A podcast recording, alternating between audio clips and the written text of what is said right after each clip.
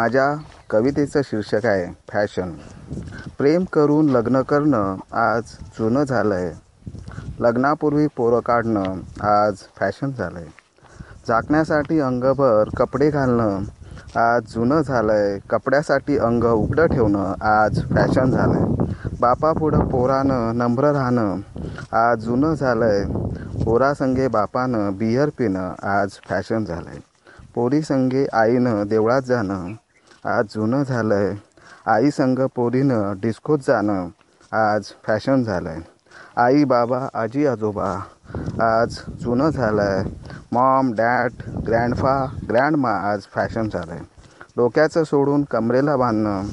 आज जुनं झालं आहे कमरेचं सोडून डोक्याला बांधणं आज फॅशन झालं आहे जपण्यासाठी संस्कृती प्रयत्न करणं आज जुनं झालं आहे विरोधात संस्कृतीच्या बबाल करणं आज फॅशन झालं आहे नमस्कार.